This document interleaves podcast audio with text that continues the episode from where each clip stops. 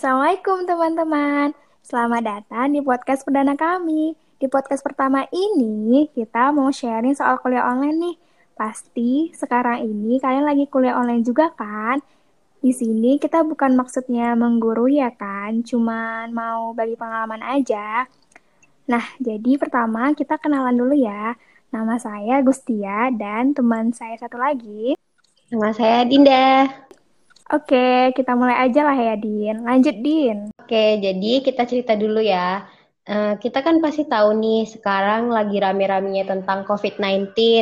Nah, awalnya itu kan pasti kita nggak yang terlalu heboh atau gimana gitu karena awalnya yang positif itu cuma di satu daerah. Nah, semakin lama pemerintah makin mengumumkan makin banyak nih pertambahan uh, masyarakat yang positif COVID-19.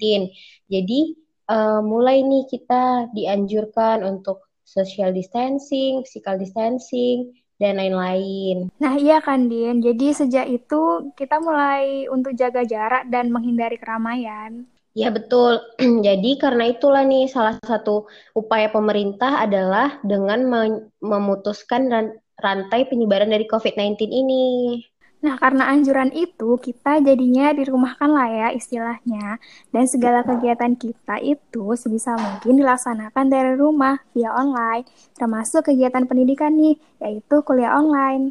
Ya, benar. Nah, jadi kan kita dua nih dari kampus yang berbeda nih. Nah, kalau Dinda nih kuliah online-nya sejak anjuran itu ada. Jadi langsung kuliah online per tanggal 8 Ma 18 Maret nih 2020. Kalau kampus dia sih sejak 23 Maret 2020. Dipikir-pikir kita udah sebulan lah ya kan ini kuliah online-nya.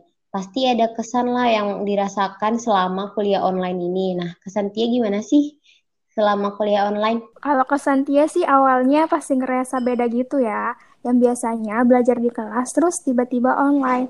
Terus ngerasa lebih mandiri juga belajarnya. Sempat berpikir kalau kuliah online nggak efektif, tapi ya udahlah ya nikmatin aja.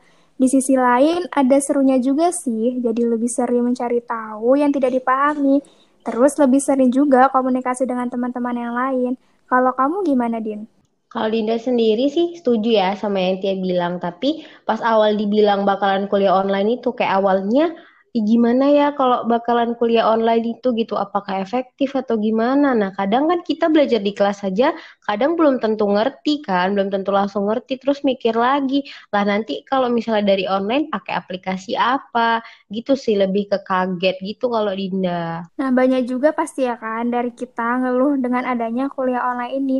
Kayak kuliah online-nya nggak efektif, nggak paham sama materinya, terus dosennya kadang nggak jelasin, cuman share file aja atau dosennya terburu-buru menjelaskan, atau bahkan bikin ngantuk juga ya kan. Nah ya benar, nah jadi lewat podcast ini nih kita mau berbagi sedikit tips nih dari kita berdua yang udah kita terapin ya insya Allahnya. Nah tips yang pertama mencatat materi. Bagi kalian, tipikal orang yang kalau di kelas suka, suka nyatat materi dosen, tetap aja nyatat ketika dosen menjelaskan. Yang kedua, posisikan diri senyaman mungkin, karena pasti bakal capek saat belajar. Yang ketiga, ketika, ketika kuliah online berlangsung, jangan buka tab lain selain menu untuk belajar. Saat kalian udah mulai bosen, boleh buka tab lain, tetapi ketika kuliah selesai, kalian harus mengulang lagi materi yang disampaikan. Nah, terus buat kelompok belajar atau sharing sama teman yang lain. Bagi kalian yang udah punya sih enak ya, tinggal lanjutin aja kelompok belajarnya. Nah, kalau misalnya nggak tetap muka kan bukan berarti kita tuh nggak termasuk belajar bareng ya kan. Nah sekarang kan zaman juga udah maju, jadi tetap bisa kita lewat uh, berbagai media sosial untuk belajarnya. Nah kita bisa belajar bareng lewat video call, ya, lewat voice call ataupun dari chat. Nah kalau belum sih saran dari kita berdua dibuat ya kan yang untuk kelompok belajarnya ataupun uh, kelompok diskusinya karena ini bisa membantu proses belajar kita biar kita tuh lebih ngerti gitu. Nah, kemudian supaya nggak ngantuk, sediain minum atau makanan. Dan jangan kuliah sambil tiduran atau posisinya di tempat tidur. Karena ini bisa merupakan uh, salah satu pendorong kita itu untuk tidur. Udahlah nanti belajar yang ngantuk, terus posisinya di tempat tidur pula, ya makin tidur lah ya kan. Nah, usahakan posisinya tuh yang kayak dibilang Sitia tadi. Senyaman kita mungkin. Gimana nyamannya kita belajar, kayak gitu kita buat.